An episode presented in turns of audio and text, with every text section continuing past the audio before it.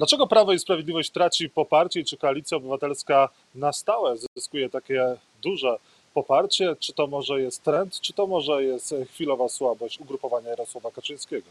O tym między innymi w programie Rzecz o Polityce. Jacek Tysienkiewicz, zapraszam.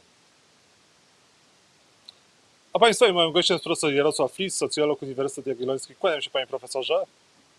Dzień dobry. Dlaczego Prawo i Sprawiedliwość traci poparcie? Jest to naturalny efekt porażki w wyborach. Zawsze tak się dzieje, że część wyborców patrzy, czy partia jest skuteczna, czy nie jest skuteczna. Zaraża się entuzjazmem po zwycięstwie, a opadają im ręce po porażce i wtedy na przykład odpowiadają na pytanie, że nie pójdą na najbliższe wybory. No bo po co iść, skoro nasi przegrali. No, część też osób podejmuje decyzje na podstawie kontaktu z otoczeniem. I jak widzi, że to otoczenie jest entuzjastyczne dla nowych zwycięzców, a krytyczne względem przegranych, no to dostosowuje się, dostosowuje swoje widzenie, swoje wybory do właśnie tego, co robi otoczenie. To jest zjawisko, które znamy z przeszłości. Tak Prawo i Sprawiedliwość wygrało w 2015 roku wybory parlamentarne, mając taki miodowy miesiąc po zwycięstwie Andrzeja Dudy nad Bronisławem Komorowskim w wyborach prezydenckich. No i teraz widzimy, widzimy to samo.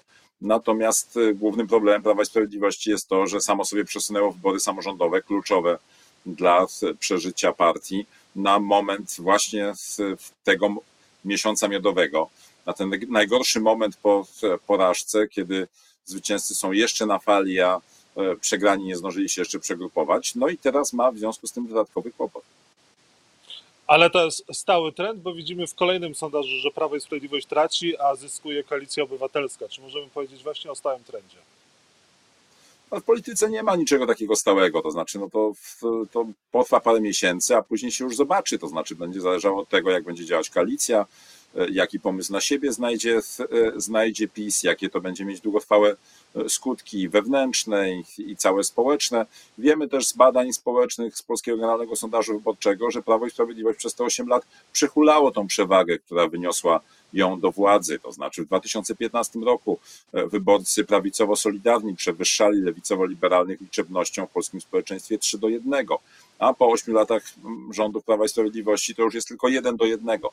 Została odzyskana równowaga, więc już te same metody, te same działania, te same kroki, które w 2015-2019 roku dawały sukcesy, no to one już raczej teraz nie przyniosą takiej, takiego sukcesu. No dobrze, panie profesorze, ale czy w takim razie możemy powiedzieć o tym, że Koalicja Obywatelska przejmuje wyborców Prawa i Sprawiedliwości powoli? No, tego nikt do końca nie wie, jak to w takiej skali, przy takich ruchach, to one są niewychytywalne przez, przez sondaży. No mówimy o zmianach o kilka procent, punktów procentowych, no to, to trzeba robić jakieś wielkie badania na wielkiej próbie, żeby się dowiedzieć, kto tam w jakim trybie. No wiemy, że te przepływy są, że jakaś część wyborców jest cały czas płynna, te przepływy są wielokierunkowe, część wyborców odchodzi, tak naprawdę Platforma nie zyskuje tak dużo poparcia, jak PiS go traci. Część wyborców PiSu odchodzi do Konfederacji, część do Trzeciej Drogi, część do niegłosujących. No i tak to się w sumie zbiera. Tutaj nie musi być jakiegoś jednego klucza, wedle którego takie zmiany się odbywają, no ale to, to jest rzecz, która na pewno nie, nie zaskakuje, natomiast może mieć poważne konsekwencje w, w tych wyborach dla samego PiSu wewnątrz i później dla wyników wyborów europejskich, które już będą takim no, czystym, czystym testem, czystym już nie sondażem, a w takim sensie tylko taką próbą, o walką o pole position przed wyborami prezydenckimi. Panie profesorze, ale czy możemy powiedzieć, jaka jest, baz, jakie jest bazowe poparcie dla Prawa i Sprawiedliwości? Ile, ile PiS ma tych twardych? No tego też się, to, to nie jest takie, takie proste. No wiemy, że ta grupa wyborców takich jednoznacznie prawicowo-solidarnych, to ona stopniała do mniej więcej 25% społeczeństwa, ale też warto pamiętać, że o tą grupę toczy się walka, to znaczy jakby w tej grupie swoje przyczółki miała i Platforma, i Trzecia Droga, w sensie PSL, bardziej pewnie i, i Konfederacja. Także to wiemy, że Prawo i Sprawiedliwość po poprzedniej porażce w 2007, 2000, później w 2010 roku w wyborach prezydenckich. W wyborach sejmikowych jesienią zjechało do poziomu 23%. To był najniższy wynik od 2005 roku, od kiedy ten nowy system partyjny się ukształtował. No i teraz będziemy patrzeć, czy to się, czy poszło jeszcze gorzej, czy to tak, czy, czy jednak udało się utrzymać jakąś część tego, tego elektoratu. Na pewno dla Prawa i Sprawiedliwości e, największą pociechą jest los Platformy Obywatelskiej i PSL-u, to znaczy przez minione 8 lat te partie były wielokrotnie składane do, do grobu, zjeżdżały czasem pod próg wyborczy, e, czasami tam spadały na trzecie czy czwarte miejsce, nawet w, w sondażach e, przynajmniej jeśli chodzi o, o platformę. No a teraz mają premiera i wicepremiera, więc w, w PiSie też przynajmniej tylne szeregi mogą pomyśleć, ok, no teraz, teraz jest, jest jak jest, kierownictwo nie ma żadnego pomysłu, e, popada, można powiedzieć, trochę w szaleństwo e, w tym, co tam się, e, co tam opowiada, no ale trzeba poczekać. No jak spojrzymy na taki dworczyk, za, za 8 lat będzie w takim wieku jak Morawiecki, a Szofernaker będzie za 8 lat w takim wieku, jak teraz jest dworczyk, więc to mogą spokojnie, spokojnie poczekać w myśl zasady, że dłużej klasztora niż przeora. A sam Jarosław Kaczyński jaki daje sygnał swoim wyborcom, że on chce y, stać na czele partii przez kolejne 5 lat? No jeżeli będzie przez kolejną kadencję prezesem swojego ugrupowania, no to to będzie trwało aż do 80 roku życia. Tym bardziej, że mówił, że do 75 będzie tylko stał na czele PiS. Czy to na razie teraz są, jest takie właśnie chyba dolewanie jednak oliwy do ognia bardziej niż na wzburzone, wzburzone fale? E, po to, żeby jakoś uspokoić sytuację przed tymi wyborami, żeby to się wszystko nie, nie rozjechało. No tak naprawdę zobaczymy i policzymy to wszystko po wyborach samorządowych, po wyborach europejskich, czyli tak naprawdę 10 czerwca e, rano, kiedy już e, spłyną wyniki z, na stronach Państwowej Komisji Wyborczej, no to wtedy dopiero zacznie się realne rozliczanie kierownictwa, myślenie o strategii, co zrobić, przez kolejne e, trzy lata, trzy i pół do kolejnych wyborów. Panie profesorze, ale to idzie w tę stronę, że Prawo i Sprawiedliwość może przegrać e, wybory samorządowe i europejskie?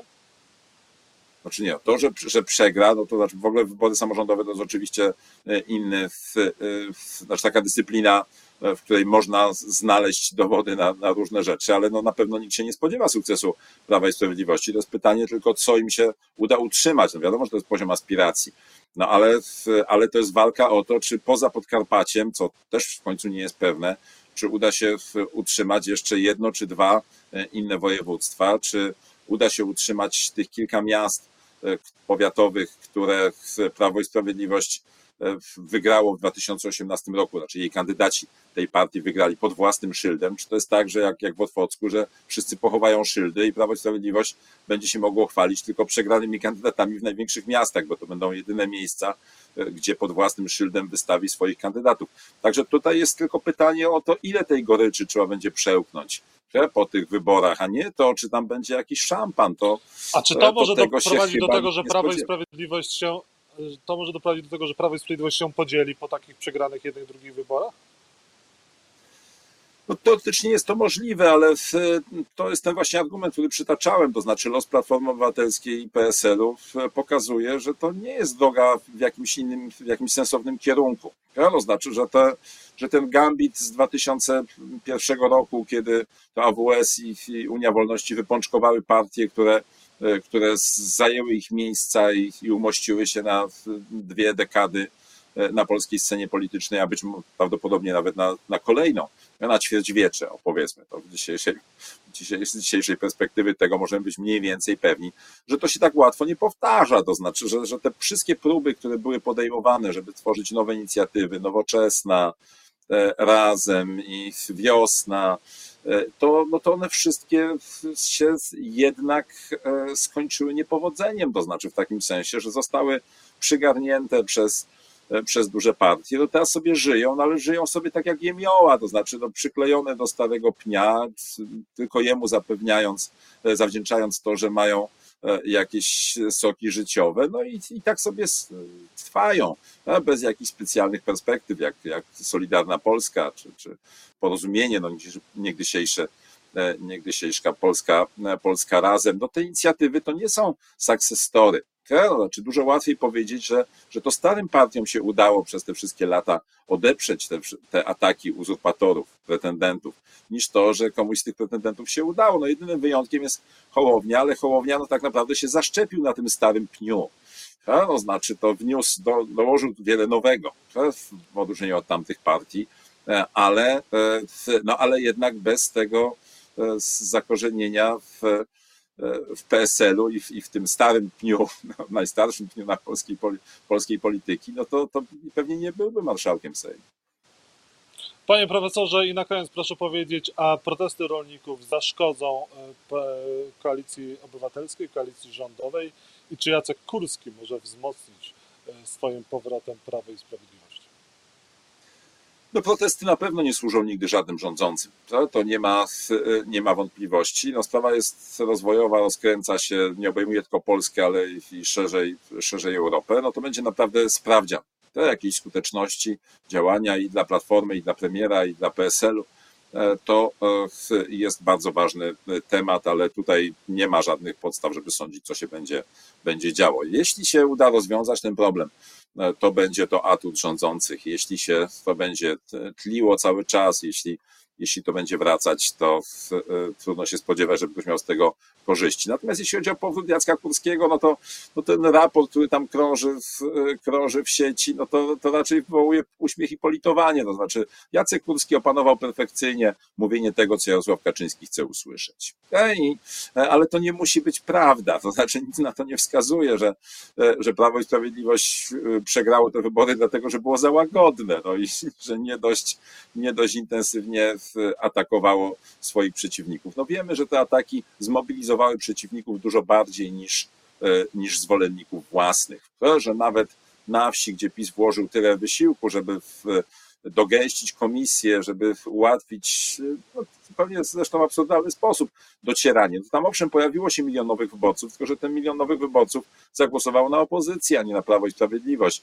Prawo i Sprawiedliwość utrzymało stan posiadania mniej więcej. W różnych częściach kraju trochę lepiej, trochę gorzej sprzed czterech lat, ale w ogóle nie poszło do przodu, a w tym czasie opozycja zrobiła, zrobiła postęp. Także no wydaje się, że te podpowiedzi Jacka Kurskiego to mają służyć przede wszystkim jemu, a Prawu i Sprawiedliwości to chyba by zaszkodziło.